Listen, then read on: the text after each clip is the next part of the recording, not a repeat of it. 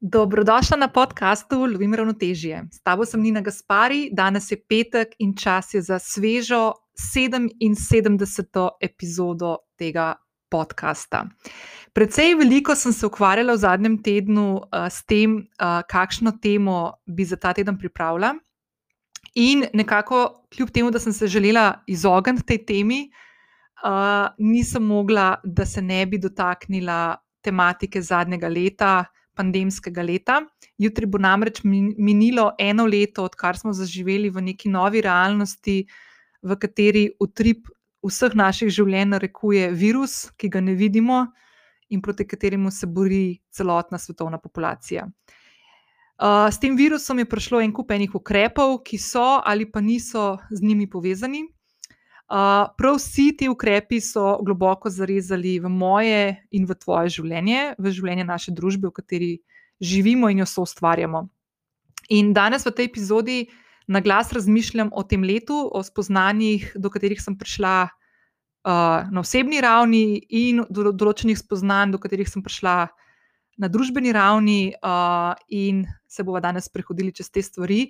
Uh, želim si in želela sem si, da epizodo, kljub temu, da gre za temo, o kateri bi se lahko veliko razburjala, poskušam obrniti v nek pozitiven uh, pogled na zadnje leto, uh, ki pa vključuje tudi neko to kritično držo do stvari, ki se odvijajo vsakodnevno. Uh, Um, ta epizoda bo mogoče malo drugačna od drugih. Um, nisem se nekaj zelo posebej pripravljala, preden sem se usedla pred mikrofon. Zapisala sem si nekaj opornih točk, čisto toliko, da bom držala neko špuro.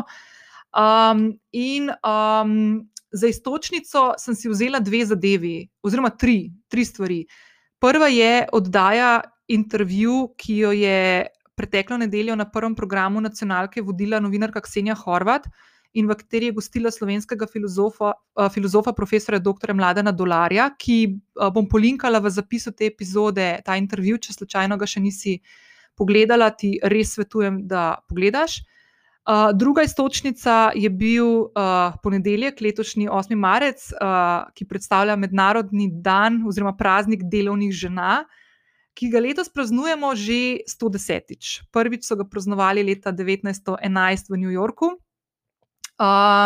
in tretja istočnica so bile medijske objave v tem tednu, povezane z 8. marcem, ki so izpostavljale uh, vlogo žensk v današnji družbi, uh, pri čemer so veliko pozornosti, in sem zelo vesela, da se je to, to zgodilo.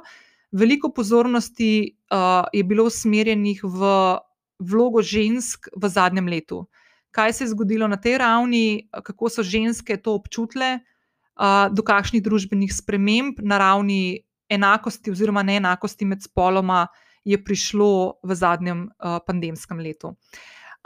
Zdaj, za vse tiste, ki poslušate, in za vse moje drage moške poslušalce, naj povem eno stvar za začetek. Da jaz nisem ena od tistih žensk, ki na feminizem oziroma na enakost spolov gleda tako, da je kritična do moških. Jaz imam moške izredno rada, zelo rada sem obkrožena z močnimi moškimi, ki nimajo problemov z ženskim polom. Um, in ko jaz govorim o vlogi žensk, jo predvsem vidim kot uh, in enakosti med spoloma, vidim predvsem v luči tega, da ženske kot um, del družbe uh, dobimo mesto, ki si ga ne zaslužimo, je to napačna beseda, ampak ki nam gre, ne, kot nek enakovreden del uh, družbe, ki jo predstavljamo, in ne na način, da se drugemu delu družbe kaj odzame. Jaz verjamem v to, da lahko oba pola, moški in ženske, zastopata enakovredni mesti in s tem lepšata celotno družbo, ki jo so ustvarjamo. Pa o tem malo kasneje. Uh, preden skočiva v današnjo epizodo, te vabim, da če še nisi, da se prijaviš na podcast Lovim ravnotežje prek aplikacije, na kateri poslušaš trenutno epizodo. Tako boš vedno obveščena v aplikaciji, ko se bo naložila ob petkih uh, nova epizoda in ne boš nobene zamudila. Vedno sem vesela tudi ocen in mnen, ki mi jih lahko pustiš na podcast aplikaciji, ali pa mi kakšno mnenje, odziv, vprašanje, predlog teme zapišeš v zasebno sporočilo, najraje vidim na Instagramu, kjer se ti bom lahko hitro odzvala in ga tudi prebrala. S prijavo vdaje ocene in mnenja na aplikaciji, pri kateri poslušaš ta podcast, pomagaš, da zanj slišijo tudi tebi podobne ženske in moški, ki bi jih take tematike utegnile zanimati. In tudi tokrat sem v, eh, spode v opisu eh, pripravila povezavo do zapisa epizode, v katerega bomo jela nekaj. Uh, povezav, ki jih bom danes omenila v tej epizodi, bo pa ta zapis uh, danes nekoliko krajši, kot, kot sem rekla, se na to epizodo res nisem tako posebej, posebej pripravljala, ker bi rada, da prihaja iz srca in spontano. En dodatek, preden skočimo v današnjo epizodo, ki ga snemam en dan potem, ko sem posnela epizodo, ki jo trenutno poslušaš. Um, preposlušala sem epizodo in ugotovila zgroženo, da sem en del družbe pozabila omeniti in bi rada to stvar zdaj dodala da kjerkoli govorim o tem, um, kako pomembno je, da se v družbo vključuje vse dele družbe, ki jih danes v tej epizodi omenjam, pa jih ne bom zdaj dodatno, ker boš o teh stvarih veliko slišala v prihodnih minutah. Uh, bi rada izpostavila, da nisem omenila skupnosti LGBTQ, um, se fully upravičujem in je absolutno na mestu, da se ta del družbe tudi doda v vsa ta razmišljanja, ki so del današnje epizode. Zdaj pa res uh, skočiva v epizodo. Zdaj, današnjo epizodo sem in bom posvetila razmišljanju na realnost, ki se nam odvija v teh dneh, um, ki jo močno zaznamuje zadnjih 365 dni, uh, ki jih živimo, uh, in postavila sem si nekako željo, da skozi svoje današnje razmišljanja um, tudi ti, draga poslušalka, dragi poslušalec, mogoče zraven razmišljaš o tem, kaj lahko ti narediš v svojem življenju vsak dan, po svojih najboljših močeh, pa v svojem tempu in zmožnostih. Kakšno tako stvar, s katero ne samo polepšaš svoje življenje, ampak s tem tudi življenje skupnosti, ki te obdaja, najprej tvojih ožjih, krogov ljudi, družine, prijateljev, znancev, sodelavcev, sodelavk, in potem to gre tako kon, v koncentričnih krogih ven v celotno družbo. Um, realnost, ki jo živimo, oblikuje vsak od nas. Včasih se počutimo, da smo pri tem zelo nemočni. Mislim, da v letošnjem letu, oziroma v zadnjem letu, je ta občutek verjetno, uh, vsaj pri, za sebe lahko rečem, mogoče še malo močnejši, uh, kot prejšnja leta, ampak čakati na to, da se stvari uredijo ali pa da uredijo drugi za nas, postaja tista igra, kaj je bilo prej jajce ali kura.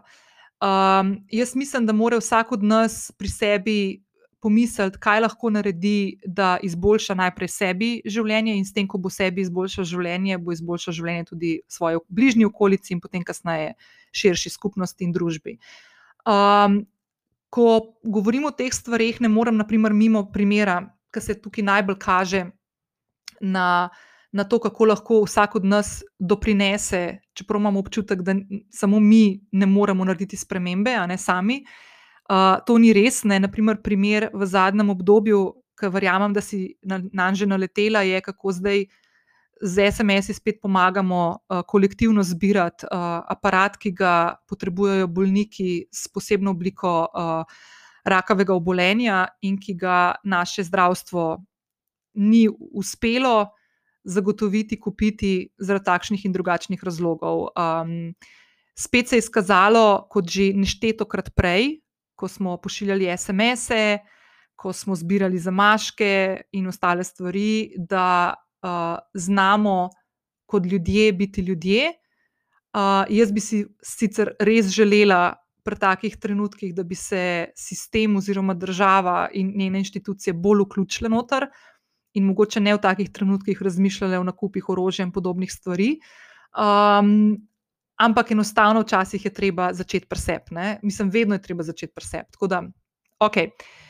Greva po vrsti. Uh, rada bi se sprehodila skozi um, to, kako sem jaz leto 2020 in začetek leta 2021, se pravi zadnjih 365 dni, doživljala uh, na osebni ravni, najprej uh, do katerih spoznanj sem prišla. V kar nekaj prejšnjih epizodah sem že govorila o tem, kaj mi je dalo leto 2020. Mislim, da sem jih objavila tik preden uh, se je zaključilo leto 2020 ključna spoznanja, do katerih sem prišla, tako da ne bi se rada ponavljala. Uh, bom pa epizode polinkala v zapisu te epizode, tako da, uh, če še nisi kakšne stvari poslušala, se lahko um, poklikaš tja in preveriš.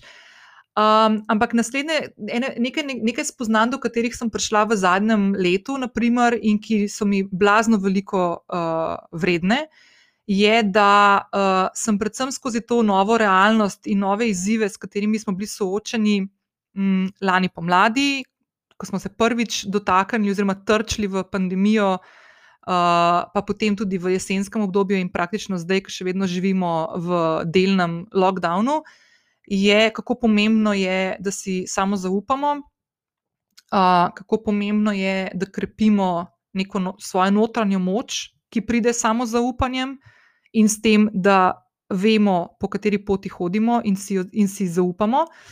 Uh, in kako pomembno je, da opuščamo nek nadzor. Zdaj, ko rečemo opuščamo nadzor, mislim na vse tiste, ki ste meni podobni v, tej, uh, uh, v tem obvladovanju oziroma kontroliranju, v tem kontrol-frikovskem momentu, ko imaš občutek, da moraš vedno nadzorovati vse scenarije, ki se lahko zgodijo v neki situaciji. Jaz sem bila v tem genialna, ful dobra, malo tudi zaradi dela, ki ga upravljam.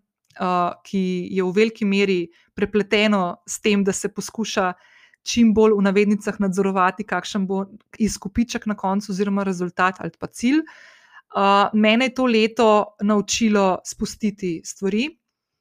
Um, imela sem na začetku pomladi s tem velike probleme uh, in sem se mogla to počasi, počasi privajati.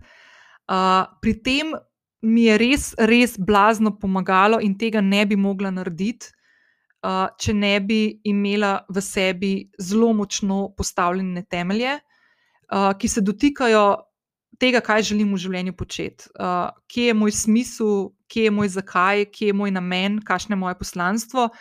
In vse te stvari, uh, vsa ta spoznanja, ki sem jih upletla v to, kaj, kaj je moje poslanstvo, ki leži, dejansko prepletam ne samo pri svojem delu, ampak v vse nivoje svojega življenja. Um, jaz sem do teh spoznanj prišla dobrega pol leta, preden se je začel prvi lockdown, in lahko rečem, da je ta stvar mene rešila lansko leto, oziroma v zadnjem letu, ker mi je dala neko. Um, nekega zaveznika v sebi, da stvari, ki sem se jih odločila narediti, speljem, um, in da sem v sebi našla to samo zaupanje in moč, uh, da sem potem šla po tej poti, kljub temu, da je bilo sploh lansko pomlad, blazno naporno um, te stvari peljati. Uh, tako da jaz bom še to povedala, mislim, da nisem tega nikoli povedala na glas. Jaz sem v lanskem letu, za vse tiste, ki me poslušate, da že dalj časa veste, da sem dobre tri tedne pred začetkom lockdowna, ko še ni se nam niti približno sanjalo, da se nam bo kaj takega zgodilo, smo pa malo že opazovali Italijo, kaj se dogaja ampak se nam je zdelo tako prekleto daleč tisto in ne mogoče, da se to nam zgodi. Uh, sem prekinila sodelovanje z dvema dolgoletnima naročnikoma, ki sta. Um, eden od teh naročnikov je leto prej pri meni pomenil skoraj 60-odstotni prihodek letni. In potem še drugi zraven je prenesel na konec na skoraj 80 odstotkov. Um, Jaz sem to prekinila ne čez noč, uh, te odločitve so, tra, so, so, so kar nekaj časa dozorevale pri meni. Uh, ne bom rekla pol leta, po mojem, tako kakšno let, dobro leto, ampak ravno s tem odkritjem mojega poslanstva in mojega zakaja je bila ta odločitev potem, sem jo lahko sprejela veliko mirneje, kot sem mislila. Uh, in tri tedne kasneje, ko se je zgodil lockdown in se je vse zaprlo in se je dobesedno ustavil svet. Ne, sem imela jaz blazno težavo samo pri sebi, zato ker nisem vedela, kako bom zdaj speljala stvari, ki sem si jih zastavila. Ker ogromno stvari je bilo povezanih s tem, da se pogovarjamo o podjetništvu, da se pogovarjamo o tem, kako stopiti na podjetniško pot. Uh, želela sem si ustvarjati nek prostor, v katerem boste, ve, drage poslušalke, dragi poslušalci, našli neko motivacijo ali pa neko idejo, iskrico o tem, kako stopiti na podjetniško pot, oziroma če ste že stopili, kako najti motivacijo in pozitivnost v časih, naprimer, kot jih trenutno živimo. In uh, v tistih prvih dneh lockdowna sem si mislila, ošitne, po mojem, najslabši trenutek v zgodovini si, si izbrala za, tema, za odpiranje takih tematik. Uh, pa moram reči, da v bistvu je bil najboljši trenutek, zdaj, ko gledam z enoletno distanco. Uh, takrat je bilo definitivno ni tako izgledalo. In lahko povem, da jaz v tistem obdobju pomladi, ko sem čez noč v bistvu samo inicijativno ostala brez prihodka in verjela v to, da se bodo stvari začele rotirati, ne pa se potem so vse začele kasneje, sem se prijavila tudi na državno pomoč. Uh, neskončno hvaležna sem bila uh, obstoječi vladi, do katere sem sicer zelo kritična, uh, um, da je sprejela določene ukrepe, ki so pomagali, konkretno meni tudi uh, v tistih pomladnih mesecih, in uh, mi ni nerodno to priznati. Uh, vesela sem, da sem ugotovila potem s časom, da tega ne bi potrebovala, in bom tudi z veseljem to vrnila, če bo to potrebno. Mislim, da bomo mogli te stvari poplačati nazaj. Ok, vrnemo se nazaj do spoznanja. Se pravi, povedala sem že samo zaupanje, notranja moč, pa opuščanje nadzora. Druga stvar, ki mi je bila blazno pomembna, je, da uh, sem aktivno, še bolj poglobljeno ustvarjala prostor zase in za tiste stvari in ljudi, ki mi veliko pomenijo. Uh, za tiste, ki me malo bolj poznate, veste, da je čas ena tako zelo pomembna vrednota v mojem svetu in da sem zelo zaščitniška do njega. Sem tudi že večkrat o tem govorila. Um, jaz čas, ki ga preživljam z ljudmi, ki mi polnijo srce, dušo in misli, uh, in zaradi katerih sem in postajam boljša oseba, zelo, zelo, zelo namenjam, zelo, um, uh, kako ne rečem temu, zelo premišljeno. Um, to ne pomeni, da si ne vzamem časa tudi za kakšne take hipnejše ali pa tako take. Um, Lahkotnejše odnose in povezave s kakšnimi ljudmi, ja, ampak ljudi, s katerimi pa naprimer, uh, se slišim ali vsakodnevno, ali se vsak teden dobim, da grem na sprehod, ali pa um, da vsak dan pošljem sporočilo, kakšno pa preverjam, če so v redu. Um, te stvari so postale mi še bolj pomembne, kot so mi bile, preden se je to začelo vse skupaj. Tako da se mi zdi pomembno, da vsak od nas najde nek prostor za dihanje. Za preverjanje samega sebe in preverjanje ljudi, ki, ki nas obdajajo. In to je neka taka stvar, ki si dejansko želim, da ostane z nami tudi ko bomo enkrat zaživeli v neki novi realnosti, uh, ne bo ta realnost taka, da smo obogateni tudi s takimi spoznanji, do katerih smo prišli v času krize, globalne krize. In uh, sedemo od tega nekaj naučiti, da bomo potem ustvarjali in so ustvarjali lepši in boljši svet, kot smo ga poznali prej. Ko govorimo o nekih spoznanjih, pa probujem biti pozitivna, trčem tudi v te stvari, ki me blazno jezijo, sploh zadnje mesece. Uh, tukaj bom uporabljala dve besedi, uh, ki jih je v tistem intervjuju, ki, ga, ki ga bom polinkala tudi v zapisu te epizode, in ti res svetujem, da si ga pogledaš. Uh, intervju z doktor, profesorjem. Dolarjem. Um, govoril je o tem, kako smo kolektivno in seveda individualno utrujeni, in smo v zadnjih mesecih, predvsem, uh, od oktobra, ko živimo v drugem lockdownu, kjer se ta teden po teden podaljšujejo stvari, smo postali malodušni. Ne? Se pravi, smo postali apatični že do določenih stvari. Jaz lahko za sebe rečem, da absolutno.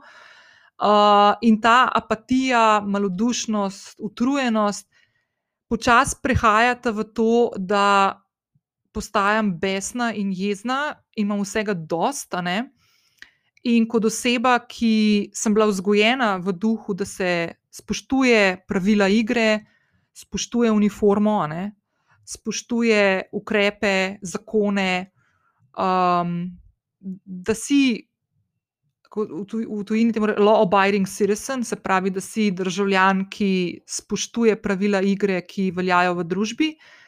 Imam zadnje čase malo težavo s temi stvarmi že sama pri sebi, zdaj govorim za sebe.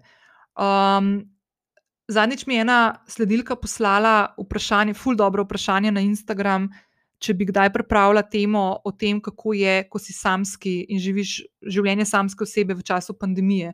Uh, katastrofalno je, če bi, če bi upoštevala čisto vse te ukrepe, ki mi jih je naložila država, v kateri živim, ki se je pri tem zgledovala po drugih državah, evropskih in širše. Potem je oseba, kot sem jaz, ki živi sama, nasrkala. Um, ker načeloma ne bi se smela videti z ljudmi, ki niso del mojega gospodinstva. Ne? in ta občutek, da oseba kot sem jaz, ki spoštuje pravila igre, um, doživi to, da ima občutek, da je kriminalc, ko gre na sprehod z nekom, ki ni v mojem gospodinstvu. Je pa pomemben del tega, da vzdržujem neko vsaj približno normalnost oziroma neke socialne stike. Um, je pač ta občutek in ta psihoza nad mano, ne vem, dosmam tega. No? Težko mi je s tem živeti, nekako ne vem, tako notranje se kriminaliziram no? in, in res, res mi ni to prijetno. No? Res imam občutek, da. Da stvari ne grejo v pravo smer, in da, da vsi ti ukrepi in vse te stvari in pravila, ki se jih moramo držati in ki jih iz, tedenske, iz tedna v teden jih dodajajo, odzemajo, preoblikujejo, enostavno se mi zdi, da izgubljajo že, že da, daleč zadaj, so izgubili stik z neko realnostjo in nekim načinom življenja, ki ga ljudje, ki smo navajeni živeti v plemenih, skupnostih, smo družabna bitja, rabimo. Ne? In sploh za vse tiste, ki živimo sami. Po nekaterih podatkih je 33 odstotkov slovenskih gospodinstv enočlanskih, Um, je pač se mi zdi nemogoče in neverjetno, da se ni razmislilo tudi o takih stvareh. Um, jaz dejansko se zavedam, da če grem danes na sprehod uh, z osebo, ki mi je draga in se z veseljem sprehodim po mestu, da če me ustavi policaj, lahko oba dobiva kazen. Ne? In meni je to občutek, ki mi je blazno neprijeten, zato ker ne želim živeti v družbi, ki, ki me lahko kaznuje, zato ker poskušam sama preživeti čim bolj. S čim, bolj, uh, s čim manjšimi čustvenimi in socialnimi nihanji, in biti pri tem še vedno odgovorna, seveda. Tako da, ja, uh, mislim, da imamo tukaj ogromno za narediti, in uh, se bom te teme še malo kasneje dotaknila, te polarizacije, ki se dogajajo v družbi na različnih nivojih, in jo je ta pandemija samo še pospešila um, in, in v bistvu ujačala. Eno spoznanje, do katerega sem prišla že preden se je začela pandemija, uh, lansko leto, lansko pomlad, je hvaležnost. Um, ta hvaležnost, ta praksa hvaležnosti, ki jo zdaj izvajam že na način, da je ne rabim pisati v dnevnik, ker jo nosim v sebi in me konstantno v različnih trenutkih v življenju opozarja na to, da um, kaj vse imam v življenju in ne česa nimam. Um, je stvar, ki v bistvu me gor drži. Ne? Da v tem letu zadnjem sem imela ogromno časa za razmišljanje o življenju, ki ga živim. Um, vesela sem in hvaležna, da sem prišla do zaključka, da živim življenje, ki mi je namenjeno in ki sem si ga izbrala. Um, ne vem, kaj bi bilo, če bi v tem letu ugotovila, da temu ni tako, no? bi imela druge izzive. Um, in ravno zaradi tega, ker sem si vzela čas za razmislek, za samo refleksijo, uh, za poslušanje sebe, za sočutje do sebe, um, sem tudi našla to mirnost in prostor za dihanje. Ta, ta prostor se mi zdi fully pomemben. Uh, po mojem, ga bom tudi v, v prihodnih epizodah malo izpostavljala, zato ker res ne želim, da se nam zgodi, ko se enkrat zadeve začnejo odpirati, da bomo na to pozabili. Um, pa ne samo v prostoru, ki ga naredimo sami zase, ampak tudi prostoru, ki ga naredimo za delo, za poklic, ki ga upravljamo, za vrnitev v pisarne in v neko to normalnost, ki verjetno ne bo ta normalnost, ki jo vsi pričakujemo, ampak ok. Uh, ta prostor, uh, meje je, je, treba, je treba vzdrževati in jih je treba imeti postavljene. Um, v zadnjih 365 dneh sem ugotovila, da sem zaradi tudi razmer, v katerih smo se znašli, in časa, ki je ostal na voljo za take premisleke, sem ugotovila, da sem postala bolj odprta za poslušanje. V zadnjem letu veliko več poslušam, kot govorim. Čeprav, če poslušaš ta podcast, mogoče tako ne zgleda. Uh, ampak uh, tudi, ko čist pri teh odnosih z mojimi najbližjimi, skozi pogovore, ki jih imam z ljudmi, ki so del mojega intimnega kroga. Um, veliko poslušam, spoznavam ljudi v nekih novih dimenzijah, ki jih mogoče prej nisem, pa se z nekaterimi že res dolgo časa poznam. um, sočutje, ki sem ga razvila do določenih tematik in zgodb mojih bližnjih, um, empatijo, razumevanje.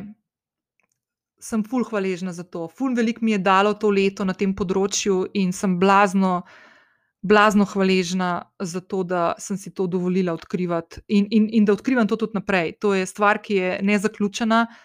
Uh, tako kot pogosto rečem, da um, se celo življenje učimo, no? saj jaz tako pri sebi to gledam.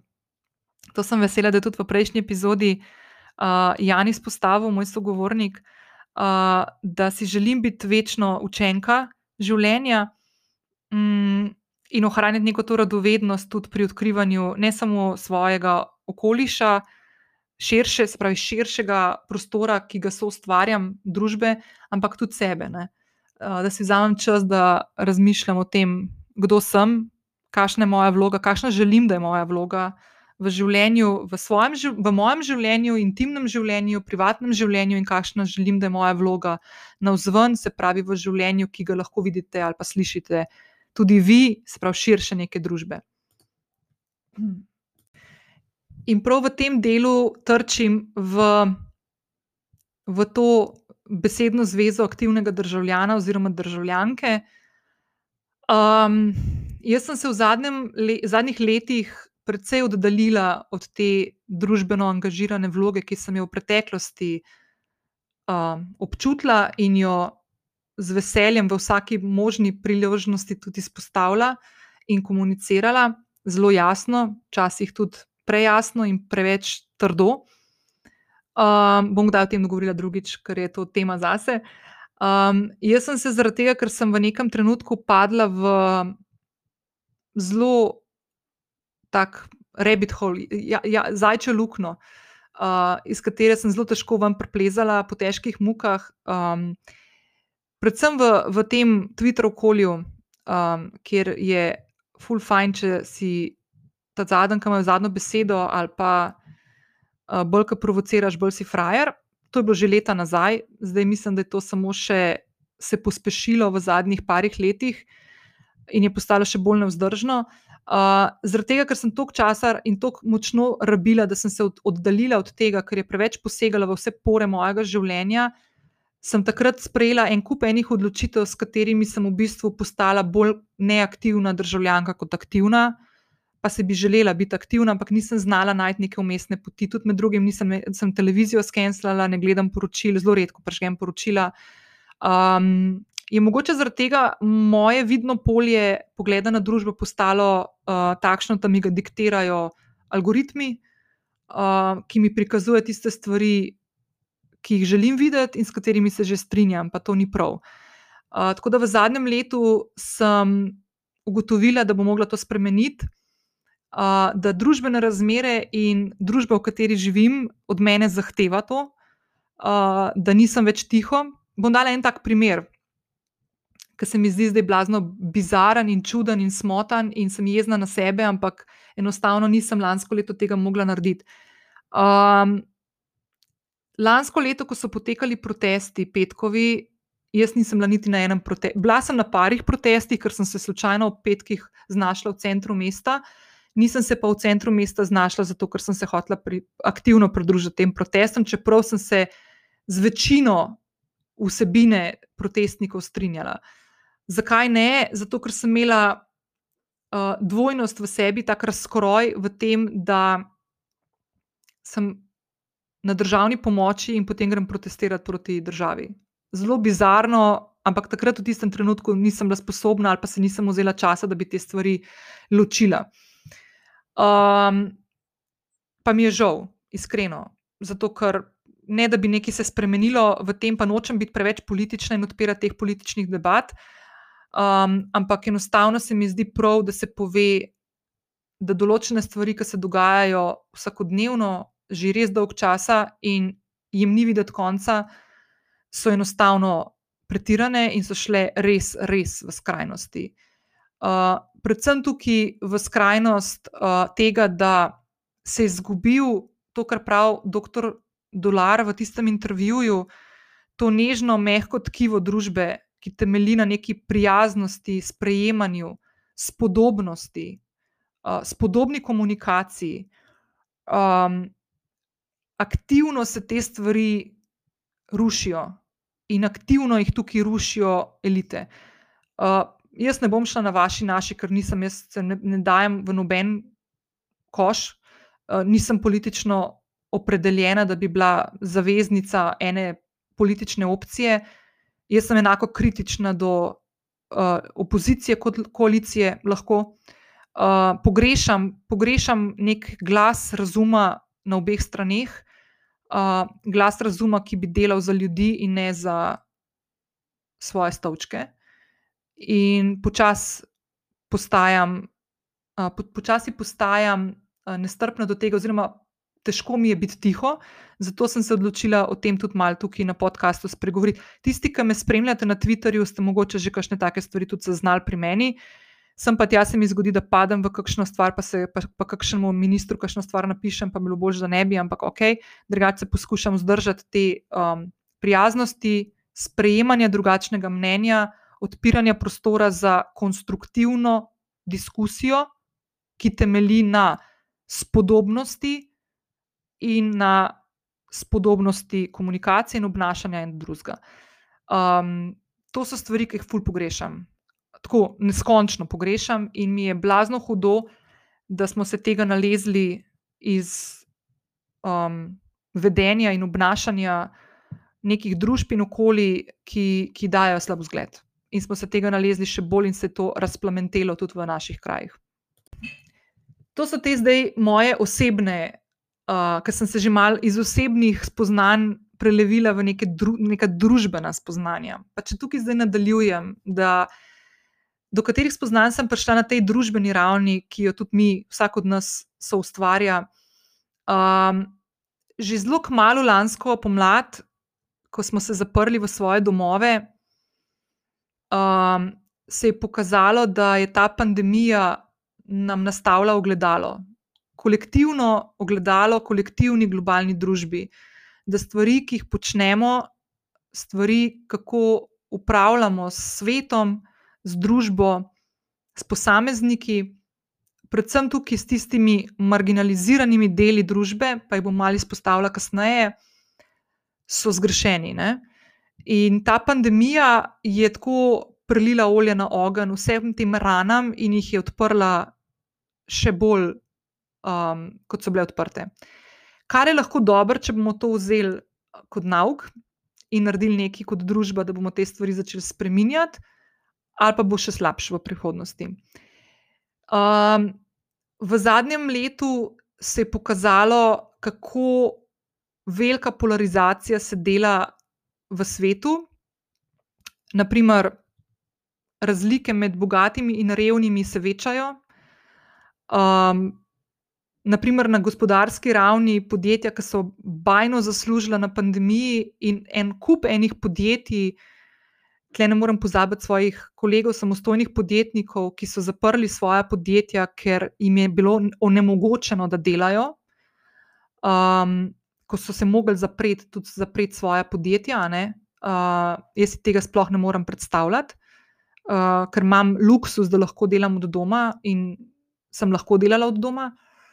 Um, pa če gremo čist na tiste še bolj očitne, ne, um, starejši, uh, starejši predstavniki družbe so bili postavljeni že prej na rob, ne, ker se z, njim ni, z njimi ni veliko upravljalo. Če, če, če gledamo čist našo družbo, ne, zelo slabo delamo starejšo generacijo, odpisali smo jih. Ne.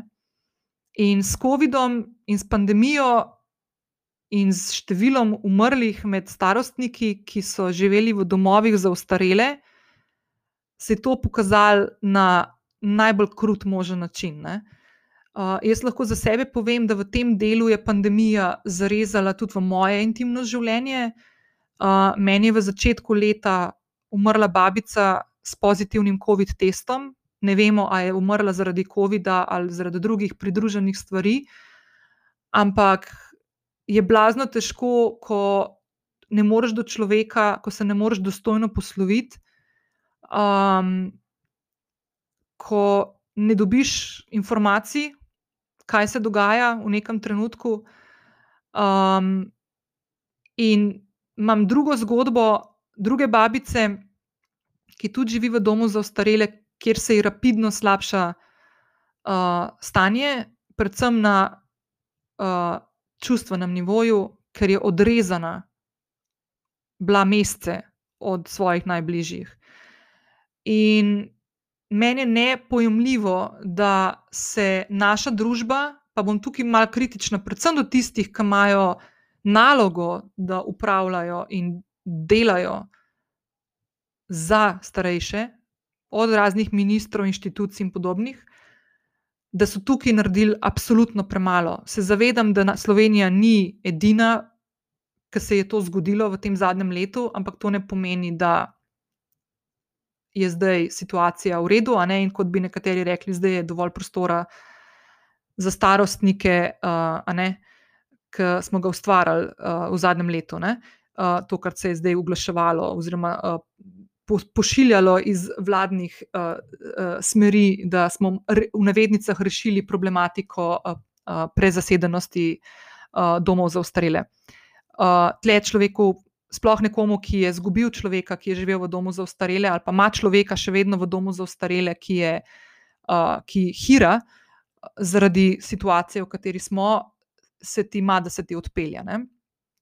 Uh, druga stvar, bom izpostavila otroke, jaz nimam otrok, nimam šolo obveznega otroka. Bom rekla, da lahko govorim tukaj iz drugega pola, iz druge roke. Ampak kako smo otroke dali na stranski tir kot družba? Ne? Zdaj govorim kolektivno, ne da smo mi krivi. Ne? Mi smo bili uh, opazovalci življenja, ki ga živimo, oziroma ki ga diktirajo, da ga moramo živeti. Um, to, da se odpirajo šoping centri preko šole, smočišča preko šole, z vsem spoštovanjem do gospodarstva in tega, da pač treba skrbeti in bdeti nad gospodarstvom, da se ga čim hitreje spravi v normalne, v normalne uh, kolesja, in da uh, potrošništvo bo tukaj dve, večji delež prispevalo, da bomo zapravljali denar, da bomo gor držali. Določene entitete gospodarske, z vsem tem zavedanjem, se mi zdi absolutno tragično, škandalozno, kako smo se obnašali kot družba do otrok, kako nismo imeli razumevanja, da izobraževanje ne mora potekati prek Zuma in Skypa in ne vem, kjerih platform, zato ker to je omejeno časovno, še hujše, če sediš v razredu in si fizično prisoten na eni učni uri. Tega ne morejo narediti odrasle osebe, vem jaz, ker tudi delam razne spletne tečaje in ne moramo tega pričakovati od otrok, ki so stari, ne vem, 10, še manj, 15 let in jih obenem odrežeš tudi od njihovega socialnega okolja. Um, jaz nisem dovolj pametna, da bi imela neke druge um, načine, kako bi se to moglo reševati, ampak pogrešala sem razumevanje stiske otrok, um, kot prej stiske starejših, stiske otrok in tega, da bi jim bila nudena podpora tudi v obliki podpore na čustovanju, na mentalnem zdravju ker mislim, da bo to naslednja pandemija, čez katero bo šla naša družba. Druga, oziroma ne vem, že tretja ali četrta polarizacija, ki se dogaja na globalni ravni, se dogaja tudi na uh, rasni, nacionalni, etnični ravni. Mm, prelilo se je že lansko poletje uh, Black Lives Matter inicijativa prek meja Združenih držav Amerike in ameriške družbe po svetu, meni je dala ogromno za misel, um, ogromno za ugotavljati sama pri sebi, ali sem res tako strpna oseba, kot mislim in se dojemam, da sem. Pa sem videla, da imam še veliko za narediti. Mm, to so stvari, ki so tisto ogledalo, ki sem rekla, da nam ga je pandemija postavila. Da so stvari v naših družbah, globalni družbi in potem vsake države posebej, ki ima svoje izzive, so določene stvari v družbah, ki niso rešene, nikoli niso bile rešene zaradi razno raznih razlogov in interesov, in je skrajni čas, da začnemo te stvari ne, ne reševati, ampak predvsem, da najprej se zavedamo, da to obstaja, da tega ne, ne negiramo, in potem tudi, da se začnemo s tem aktivno ukvarjati. In zdaj, ne na zadnje, ne, uh, ta zadnja in verjetno bistvena točka, ki bi jo rada izpostavila, na katero bi rada naslonila potem zadnjo stvar kot istočnico, ki sem jo na začetku omenila, kaj me, kaj me je spodbudilo k tej temi za, to, uh, za ta podcast in za to današnjo epizodo, je vloga ženske v družbi, ki se je v zadnjem letu. Um, hm, težko rečem, kdo, kdo so največje žrtve zadnjega leta, ker mislim, da smo vsak po svoje žrtve bili. Um, tako kot sem prej izpostavila, samo zaposlene, podjetnike, starejše, otroke, um, ženske. Ne? Ženske smo, po mojem, kolektivno gledano, ne govorim zdaj o, o, o individualnih, pa sebe, ker tukaj spet lahko rečem, da sem, imam luksus, da živim luksuzno življenje sama. V tem, v, v tem primeru, naprimer, je lahko to plus, ker sem prej rekla, da je to lahko tudi blazno naporno, uh, če živiš samo v takih časih, ko si zaprt in ne bi, ne bi se z nikomer srečal mesece. Uh, ampak v tem primeru, naprimer, da, da sem lahko sama odrejala svoje življenje v času pandemije, medtem ko so moje kolegice uh, doma, poleg službe, upravljale tudi dela učiteljic, uh, čistilk, sobaric. Uh, pa da se razumemo, ne želim zdaj tukaj iti v debato, moški, ženska in moški niso nič naredili. Absolutno, da ne. Ampak težko, težko prenesem in prebolim to, da, da je glavnina dela v pandemskem času padla na rame žensk. Prenešteto zgodb sem slišala, kolegic, prijateljic, znank, ženskih poznam iz poslovnih eh, odnosov in tako naprej, kjer je bilo samo po sebi umevno, da bojo one tiste prve, ki bodo prevzemale vse izzive, ki so se zgodili s tem, ko smo se zaprli domov in so otroci ostali doma. Um, ker živimo v svetu, kjer žal si ne moremo zatiskati oči, da, smo, da imamo enako vrednost med spoloma.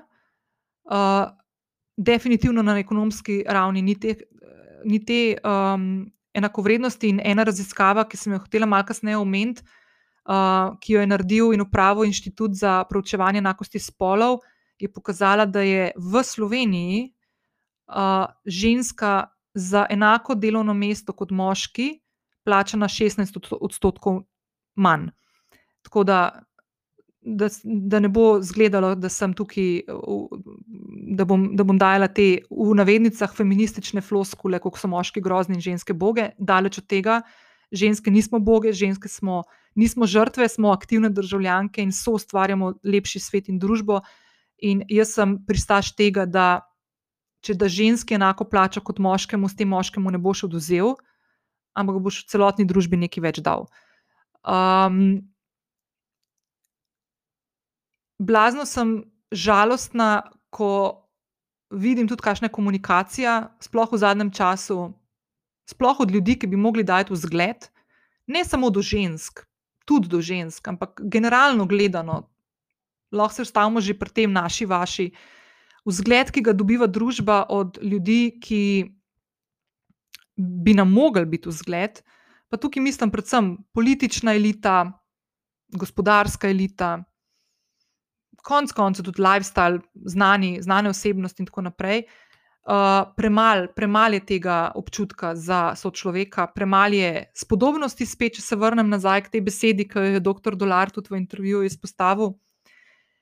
Zgublja se ta stik sočloveka, uh, spoštovanje do sočloveka, uh, spoštovanje do tega, da če ti če nekomu, do, da ne more biti narobe, če nekdo ima to, kar imaš ti. Ne? Kdaj je postalo to spet tabu tema? Um, jaz sem se vedno, vedno sem bila. Šokirana in nisem mogla razumeti, kako lahko vsakeč, ko so v Ameriki volitve za predsednika, se tako e, en del populacije, oziroma en del voljivcev, tako agresivno nastopa proti temu, da bi imeli ljudje vsi pravico do zdravja. Ne? Naprimer, tudi zdaj v zadnjem pandemskem letu, ne? Pravica do tega, da prideš do zdravila, naprimer v Ameriki. In sem si mislila, kako je možno, da nekomu ne bi dovolil, da pride do zdravnika, če ti veš, da ti tudi bi rad prišel do zdravnika. Ne? In to isto stvar se lahko prenese na našo družbo in na, na, na, na, na čisto vsak nivo diskurza javnega. Ne? Takoj, ko trčiš v neki, kjer se nekdo počuti ogroženega, se začne greznica od komunikacije. Um, to me tako res, res, res fulžalosti. In to greznico komunikacije, gradijo se karijere na tem. Uh, mimo grede, več desetletne karijere ljudi, ki so ustvarjajo našo družbo, že odkar smo se in, in prej. Um, tako da ja. Uh, to sem tudi že omenila. Jaz sem o svoji zgodbi mentalnega zdravja govorila v 49. epizodi tega podcasta, ki jo bom polinkala v zapis te epizode, če slučajno še nisi poslušala oziroma poslušal. Uh, mene skrbi ta del, ker stiske ljudi, ekonomske, socialne, um, čustvene, ki so se zdaj zgodile ne, v tem letu, in je bilo totalno premalo poslušanja na tem področju, bojo ostale. Tudi, ker se bomo lahko družili, tudi, ker bomo šli lahko na krk, na počitnice, tudi, ker se bomo lahko na letalo usedeli, pa šli na Bali te stvari bodo ostale in to, to bo pandemija po pandemiji. Um, zdaj, v tem tednu sem videla en kup enih podatkov, ne bom jih znala zdaj citirati, ampak verjamem, da ste tudi uh, vi naleteli na njih, koliko več uh, težkih kriminalnih dejanj, umorov in ubojev je bilo v Sloveniji v zadnjih 365 dneh. Um, koliko je bilo otrok, ki so samomore naredili, koliko jih je bilo takih, ki so jih poskušali pa nas se ni, ni bil rezultat na koncu samomoru, ampak so šli na zdravljenje, koliko je bilo povečano tega, koliko je povečanih prehranskih motenj. Um, Že tako, že tako je problem med mladimi samopodobami, uh, sprejemanjem sebe kot uh, edinstvenega posameznika uh, v družbi, ki zahteva popolnost. Um, ne bo ok. Ne? Stvari, ki nas čakajo, če se ne bomo s tem kot družba in vsak od nas posebej tudi, ne, do sebe, do ljudi, ki nas obkrožajo in sočutjem do vseh tistih, ki jih vidimo, da imajo težavo, in jih sprejemamo, in jih ne obsojamo, in jih ne dajemo za manj vredne ali pa za žrtve. Če tega ne bomo naredili, bomo imeli velike, velike probleme na dolgi rok. Zadnja istočnica so ženske v družbi. Da malo nadaljujem to, kar sem že začela. Pa obljubim, da bom na koncu šla v bolj pozitivno. um, jaz sem bila zelo vesela, ker sem v tem tednu ob 8. marcu videla, da so se v slovenskih medijih zelo razpisali o problematiki neenakosti med spoloma, ki se je, hočemo nočemo to priznati, v zadnjem letu ful povečala s tem, da so ženske prevzele večino vlog.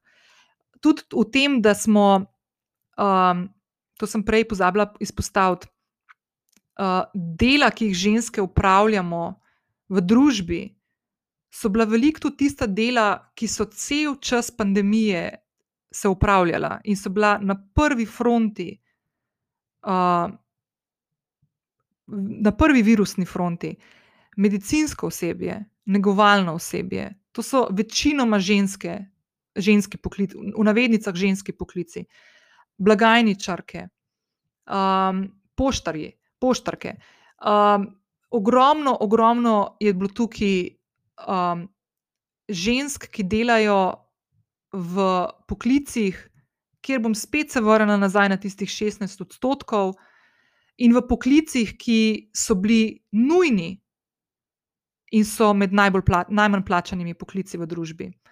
Uh, pomislite, kolikrat ste v zadnjih 365 dneh bili v trgovini, ko je bilo vse ostalo zaprto, šli v lekarno, šli v DM, uh, je poštar prinesel pošto, uh, je dostavljalec prinesel hrano, je smetar odnesel smeti. Je uh, taksist prišel, ko ste nekam mogli iti, pa niste imeli avta. Uh, to so deli družbe, ki so absolutno prevzeli vlogo tega, da se nam življenje ni tako čisto ustavilo in da bi v smeteh živeli, če ne drugega. Um, In so to ljudje, ki so takrat, ko smo bili mi doma zaprti, nekateri v udobnih domovih, ogromno ljudi v neudobnih, z nasiljem prepletenih okoljih, kar je še ena dimenzija, ki jo je za izpostaviti. So ljudje, ki so vsak dan hodili v službo in garali in se izpostavljali stvarem, zaradi katerih smo bili mi doma na varnem, približno na varnem. In mi kot družba te ljudi premalo dajemo v spredje in jih premalo spoštujemo. Tisto ploskanje, ki smo ga naredili pomladi za delavce v zdravstvu, vse lepo in prav, to je premalo. Akcija je treba, akcijo bo treba narediti. Treba bo prešejkati te vloge, poklice, delo, plačila. Ne bo ok, da, da ostane tako, kot je. Ker družba, v katero se vračamo, ni več ista, kot je bila lani februarja. Um, ta dvig agresivne drže elit, ki sem jih že omenila, in spodbujanje, da se vse te vloge, tudi med spoloma, predvsem, da se vzdržujejo na neki ravni statusa quo, je meni tako nepojmljivo, da se leta 2021 o tem pogovarjamo. Ne? Da se leta 2021, hvala Bogu, pri nas ukvarjamo tudi z zlorabami in da, da se opogumljajo uh, ženske in moški, ne smem zanemariti tega, tudi moški, da se opogumljajo in da povejo, kaj so doživeli, tudi če je to leta kasneje, da se govori o tem, da se zahteva dialog, da se odpira prostor za ta dialog um, in da se posluša te ljudi, da se skupaj kolektivno naučimo iz teh zgodb in postanemo boljši na individualni ravni in na družbeni ravni. Um, ista stvar se dotika komuniciranja med nami. Uh, jaz se ful zdaj le pazim, kako ubesedam svoje besede, ful sem jezna zdaj le, uh, ful mi je puls narastel.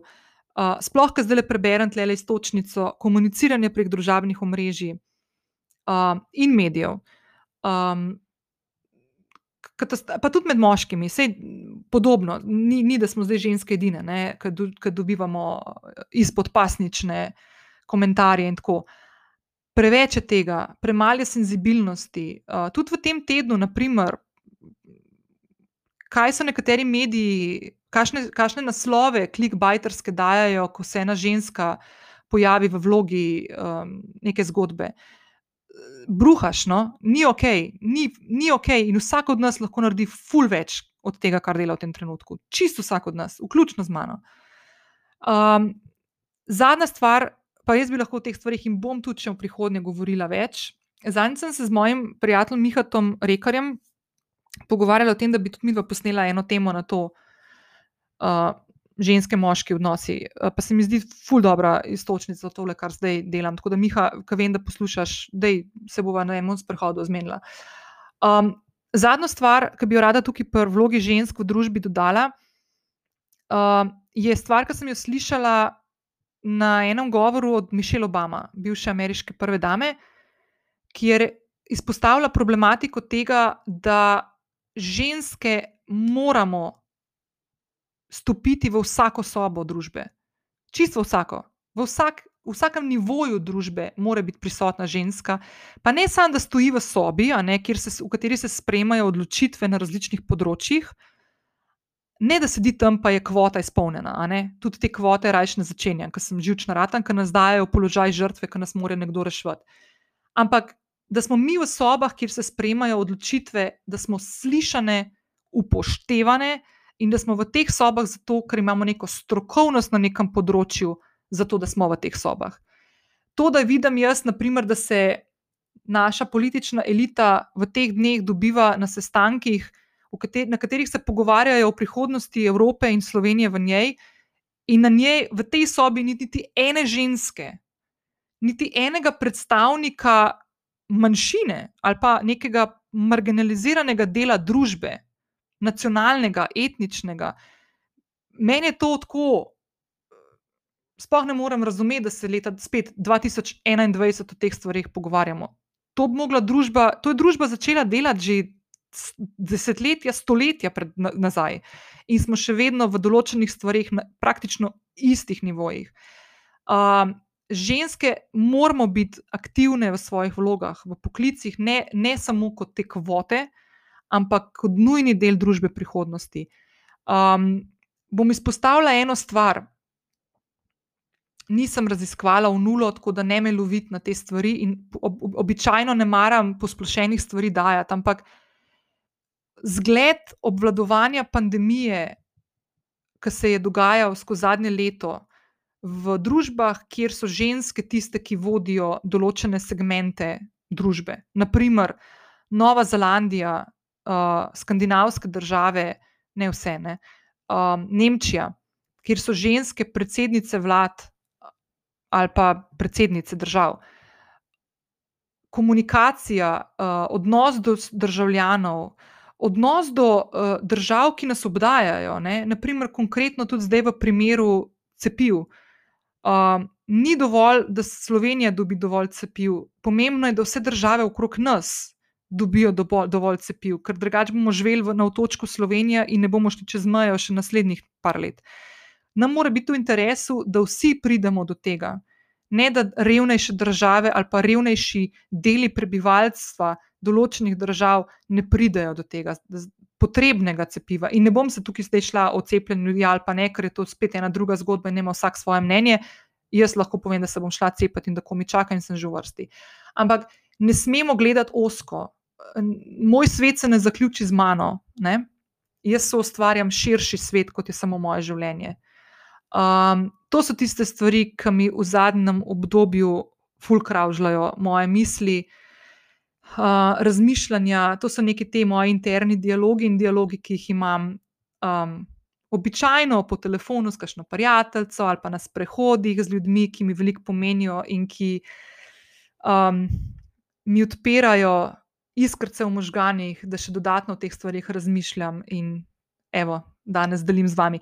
Zdaj pa uh, en silver lining, oziroma da imamo zaključiti na higher note. Uh, da gremo v to, da kaj lahko, kaj, če se si želim in kaj mislim, da lahko vsak od nas iz teh izkušenj in spoznanj, ki smo jih dobili v zadnjih 365 dneh pandemskega leta, um, prenesemo tudi v prihodnje, da ne bomo pozabili, da bomo. Doživeli preporod in renesanso družbeno, in jaz, ko mi čakam vse žurke in razvrat v navednicah, um, ki se bo zgodil, In res upam, da se bo zgodilo to, kar se je zgodilo v prejšnjem stoletju, v 20 letih, uh, da se bo tudi tokrat zgodilo s kakšnimi novimi plesi, glasbo in ostalimi stvarmi. Uh, da vmes, ki bomo zaposleni s tem, da se bomo družili, nazdravljali, objemali, poljubljali, uh, da ne bomo pozabili na te stvari in jih bomo nosili s sabo naprej, da bomo res naredili nek odtis, pa da smo se nečesa naučili v tem zadnjem letu. Če se želimo prihodnje, če se želim sebi, tebi, vsem nam. Zelo bi si želela, da se redefinira delo, um, da se na kolektivni ravni začne spoštovati celovitost življenja posameznikov, predvsem strani delodajalcev, države, uh, kar se otrok tiče, tudi iz dela izobraževalne elite. Um, kar se starostnikov tiče, zato da jih vključimo noter, da so aktivni del te družbe in ne nekje tam na obrobju. Vse te stvari, ki sem jih prej naštela, vse te marginalizirane dele družbe, da se jih vključi noter in da se jih spoštuje in da se jih preplete.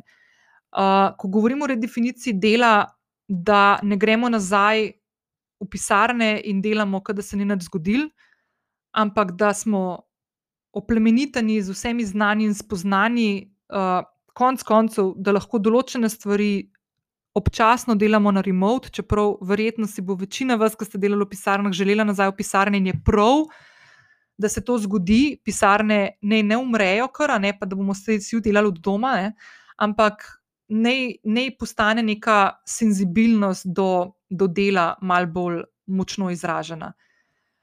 Um, druga stvar, da spremembe so stalnica, ne smemo se jih bati, treba jih je sprejemati tako ali drugače uh, najti neko mirnost v njih, pri določenih spremembah enostavne, pri določenih ne bo nikoli možnosti.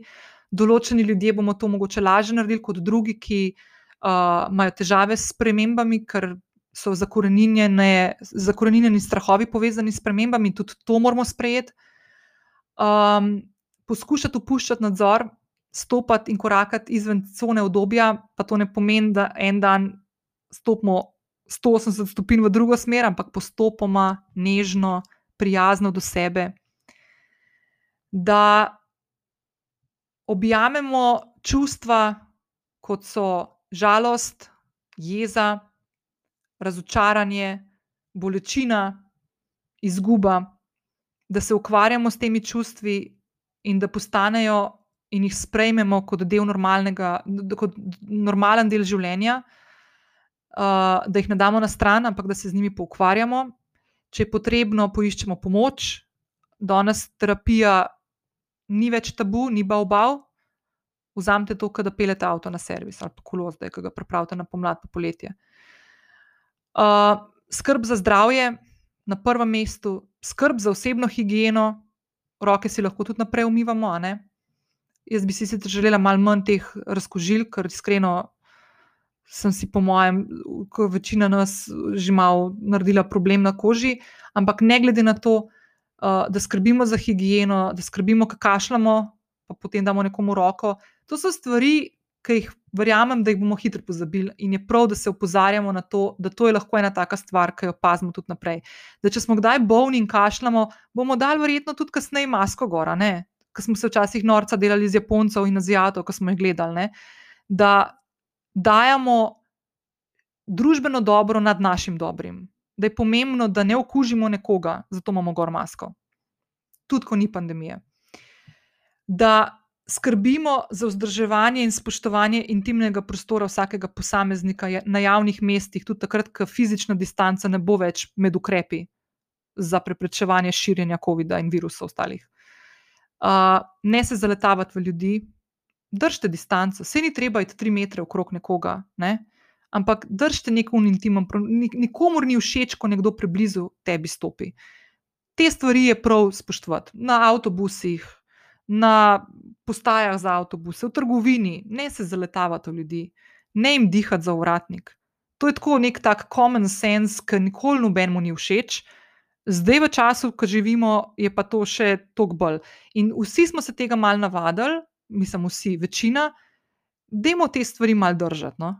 Neko spoštovanje do nekega intimnega unga, ne vem, kroga, pol metra, metra enega človeka tudi mene, tebe, vsak, po mojem, bi bil vesel, če bi se to spoštovali. Um, kaj lahko naredim danes, da bom jutri bolje na več področjih? Mentalno zdravje, fizično počutje, gibanje, prehrana, redno obiskovanje terapije, naprimer, hvaležnost, um, investiranje v prihodnost. Um, kaj lahko danes, kot aktivni državljan, naredim, da bo moja prihodnost lepša da ne bom samo čakal, kaj bom dobil od te države, kam mi bo izplačala. To so, na primer, stvari, s katerimi se jaz ukvarjam. Prej sem danes začela snemati to epizodo, sem klepetala po Instagramu z eno sledilko o tem, uh, da se zdaj le dvigujejo prispevki minimalni za um, samostojne podjetnike, kar se mi zdi absolutno tragično za ta trenutek, da se to dogaja, ker je ogromno podjetnikov na državno pomoč priklopljenih in ne razumem čist dobro te, tega tajminga. Ampak ne glede na to, um, treba je se zavedati, da vsak od nas more samo inicijativno priti do spoznanja, da začne migati v smeri, da bo svojo prihodnost so ustvarjal, ne da bo čakal, da je nekdo kruizan. Um, jaz sem povedala že to, da sem lansko leto, prvo leto, sprejela namero, ki sem si jo, po mojem, zadnjih 5-6 let pisala med letne namere ob koncu vsakega leta da bom začela vrčevati, in sem to začela šele lani. Uh, in sem dobila tako moč v sebi, da to je nujno početi, in zdaj bom delala korake naprej v smeri tega, da bom um, odkrivala načine, kako lahko po najboljših svojih močeh v nekem trenutku skrbim, da bo moja prihodnost lepa in takšna, kot si jo želim, in da, sem, da pri tem igram aktivno vlogo. Um, pa bom o tem malo več govorila, ko bo do tega prišlo, pa ko bom imela kaj zapovedati pametnega. Um, naslednja točka, da se v tem letu smo se ful močno zavedali, kako pomembni so odnosi.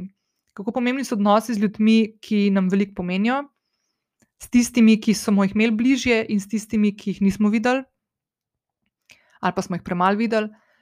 Um, delati na odnosih, krepiti te odnose, povedati ljudem, da nam nekaj pomenijo, kaj nam pomenijo, kaj nam dajajo.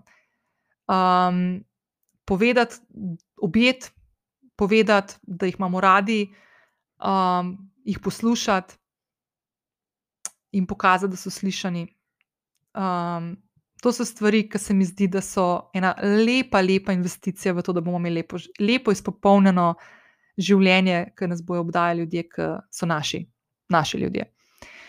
Um, da se začnemo ukvarjati vsak pri sebi z nekim trajnostnim pogledom na življenje, um, kako lahko vsak od nas vzdržuje neko svojo življenjsko trajnost, vitalnost, tudi z mentalnim, z krepitvijo mentalnega zdravja, fizičnega počutja, prehrane, hvaležnosti, gibanja, stvari, ki nas izpopolnjujejo, tega, da najdemo smisel v življenju, da ugotovimo, kaj je tisto, kaj želimo početi, kar nas usrečuje, in poskušati to preplesti vse pore svojega življenja.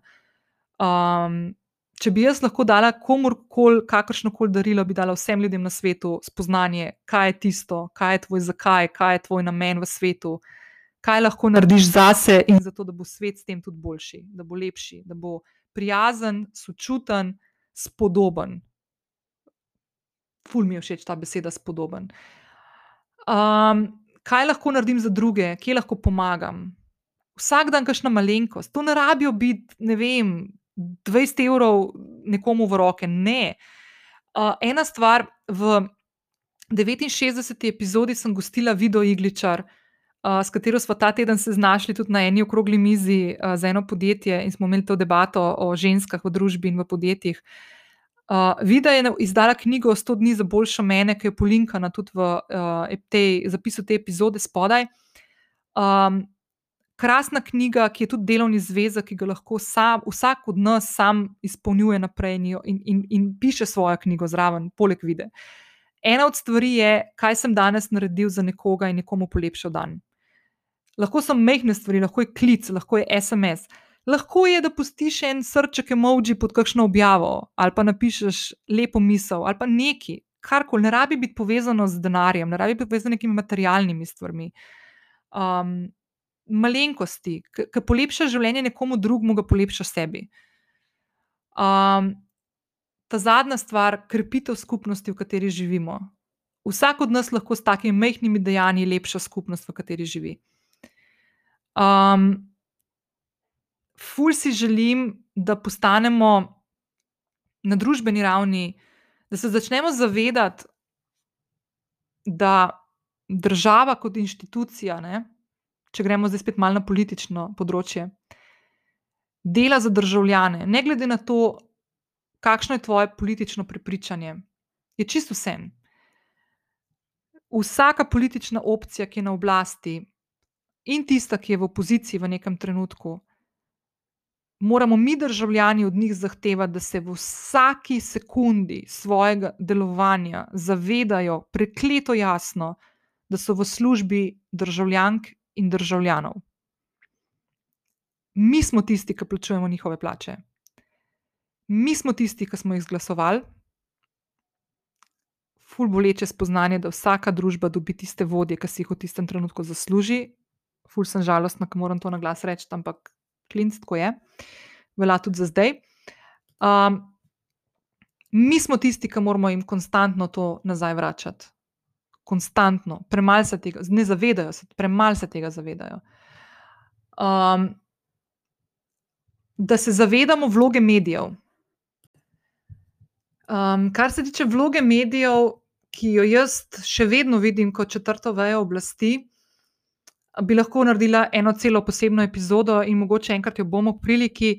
Um, zdaj bi pa rada dodala to, ker se mi zdi, da se, smo se tudi tukaj poleg tega, da se ne znamo spodobno pogovarjati na družabnih omrežjih, um, se tudi prek medijev in mediji sami in tisti, ki ustvarjajo medijske vsebine, ne znajo več spodobno obnašati na trenutke. In mi, kot državljani, ne do njih. Um, in jaz mislim, da tukaj se je treba, se treba zavedati dve dveh stvari. Eno je vidik državljana, ki, vidik državljana, ki gleda medij, katerega koli zdaj, in drugo je vidik medija, ki je konec koncev v službi četrte veje oblasti in kakšno vlogo igra v družbi. Um, najprej na, z vidika državljana, uh, me, dokler, dokler imamo medije, ki naj bi bili vsaj približno neodvisni in samostojni, bomo živeli v svetu, ki ga želimo živeti. Uh, tisto sekundo, ko bodo mediji postali nezdravi, odvisni in šipki, bo imela pro, pro, problem cela družba. Uh, mediji so tukaj zato, da sploh v zdaj, v tem obdobju, v tem času, ki ga živimo, ko je poplava informacij neskončna, mediji so tukaj tisti, ki bdijo in interpretirajo informacije za nas. In tukaj imajo ful pomembno vlogo, še bolj pomembno kot kadarkoli prej v, družbi, v zgodovini. In jaz sem blazno žalostna, in tukaj bom mal svoje kolege, novinarje, okrcala. Blazno žalostna sem, da je v zadnjem obdobju, v zadnjih letih, postalo, postal nacionalni šport, novinarski, medijski, v tem, kdo je bolj naš ali pa kdo je bolj njihov. Um, kdaj se je zgodilo to, da mediji tekmujejo za politično naklonjenost oziroma za politično stran? Um, mediji so bili odnegdaj nekateri bolj liberalni, nekateri bolj konzervativni. Ni point v tem. Da, ko se enkrat to razmišljanje in, in prioritiziranje um, ene opcije začne prelivati v praktično vsako besedo, ki jo nek medij objavi, postane to velik problem. In jaz sem s tem veliko, veliko težavo in vidim v tem te, tudi težavo, zakaj ljudje, državljani na medije gledamo vedno bolj skeptično. Um, ampak kljub vsemu se moramo zavedati, da kadarkoli kadarkoli vidimo, opazimo, da se napada medije, sploh ko take napade vršijo ljudje, ki živijo od pozornosti medijev, ne bom izpostavila kakšnega ministra, ki ne plačuje prispevka za RTV, naprimer, kaj zakonsko potrebno, mislim. Ne, po zakonu ga je treba plačevati, tudi če ti ne sedi televizija, RTV, nacionalne programe, pa radio. Moraš plačevati. Zelo težko ne plačaš TV prispevka, zelo težko se je temu izogniti. Ni kar tako izi. In ko to aktualni minister, ki med drugim trenutno vsem nam zapoveduje, kaj lahko in česa ne smemo, se pohvali s tem, da on pa tega ne plačuje, se mi zdi, da bi mogli vsi kolektivno skočiti gor in reči: Pardon, what the fuck. Um, tega si jaz želim, te kritičnosti naših in vaših, mene in tebe. Um, če so mediji zdravi, neodvisni in močni, bo takšna tudi družba. Treba je zahtevati uh, spodobnost medijskega poročanja in spodobnost obnašanja predvsem v tem trenutku političnih elit in konec koncev vseh nas državljanov, da se spodobno obnašamo tudi do medijev in do novinarjev. Kaj vodi v to, da se diskreditacije delajo novinarjev, urednikov medijev? Lahko vidimo, kaj se dogaja v Ameriki. Nažalost, smo zelo v tisto smer nagnjeni v tem trenutku, in jaz resnično upam, da se bomo ustavili, preden bo prepozno. Druga stvar, poleg medijev, ki je ful pod udarom v zadnjih mesecih, je, so nevladne, uh, neodvisne nevladne organizacije. Uh, škandal, škandalozno je, da je toliko, prvič, toliko enega dela, uh, energije, um, fokusa na določene družbene problematike leži na ramenih nevladnih organizacij, to je delo, ki bi ga mogla država upravljati in uradne vladne inštitucije, ki so za to vzpostavljene. Ogromno stvari vseeno prenesenih na nevladne organizacije, ki v zadnjih mesecih dobivajo ne samo polena pod noge, ampak dejansko se jih um, uničuje. Vsakemu od nas ki se nikoli ni srečal z nekim takim družbenim ali pa življenjskim problemom, da bi potreboval pomoč, verjetno se ne sanja, kakšno težo nosijo v družbi določene inštitucije, nevladnih organizacij, ker jih nismo nikoli potrebovali. um, ko pa stopiš malo ven iz svojega milnega mehurčka, jaz to zdaj govorim za sebe, ker to samo refleksijo sem delala in jo delam. Um, pa vidiš, da je tega občutno premalo, občutno so prešipki in v tem trenutku so še napadani. In to so stvari, ki, ki, ki, ki tako kot sem prej na začetku rekla, da je pandemija COVID-19 kolektivno svetovni javnosti, pa rečemo temu zahodni, predvsem, katere del smo tudi mi v Sloveniji, je postavila ogledalo, kaj vse moramo popraviti. Ena od teh stvari je tudi to, da nam tak odnos, do zdaj sem izpostavila medije, nevladne organizacije, marginalizirane skupine v družbi, ki bom, bom dala tudi ženske noter, čeprav nismo, ker ne želim se dajati v, v vlogo marginaliziranega dela družbe, ker se tako ne počutam, ampak žal v velikih primerjih smo še vedno potisnjeni na neko obrobni del družbe. Um, starejši, otroci, um, verski, uh, nacionalni uh, deli družbe, drugih nacionalnosti, pri nas, ali pa rasnih tudi. To je ogledalo, kakšna družba smo.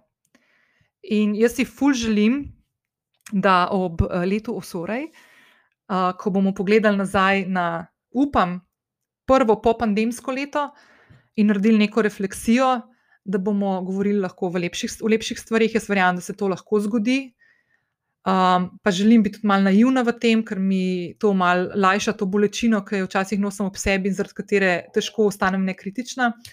Ampak jaz verjamem, da lahko vsak od nas, čeprav se dosti krat počutimo nemočne ali pa celo v nekaterih primerjih razčlovečene, vsak od nas ima uh, večjo moč, kot si jo predstavlja in zaveda pogosto. Če ne drugega, imamo eno drugo moč, ki sem jo jaz, priznam, zanemarjala zadnjih par let in bom to nehala in zdaj to javno povem. Prva moč, ki jo imamo, je, da gremo na volitve in glasujemo in volimo. Um, in jaz, ko mi čakam, da se to zgodi. Tako da, evo, to je to. Um, današnja epizoda je bila malce drugačna, malce sem izpostavila stvari, s katerimi se jaz ukvarjam v zadnjem obdobju, ki mi dajo veliko zamisliti zato ker razmišljam, kaj lahko tudi jaz naredim, da bom kakšno stvar drugače naredila in premaknila. Upam, da je tudi ta epizoda del tega, da se mal pogovarjamo o tem. Um, izhajam iz prepričanja in želje, da vsakemu okoli sebe, tiste, ki jih poznam, in tiste, ki vas ne poznam, želim v življenju najmanj to, kar želim sebi. Um, nikoli ne želim nobene stvari na račun tega, da bo nekdo drugo stvar izgubil. Um, vedno sem vesela in kadarkoli lahko podprem, predvsem moje kolege, podjetnik, podjetnike in podjetnice, z največjim veseljem. Mimo grede, vem, da se moram nekaterim še oglasiti in bom, obljubim. Um, vsak od nas lahko naredi en košček, tudi če s tem vpliva na nekaj ljudi okoli sebe, ki jih imate. Uh, tako se delajo spremembe, od spodaj na vzgor. Vse družbene spremembe v zgodovini človeštva so se naredile od spodaj gor. Ne takrat, ko smo čakali, da bodo tisti zgoraj naredili spremembe, ki jih bomo občutili, tisti, ki smo spodaj. Uh, ne pozabiti na take stvari, uh, nikoli.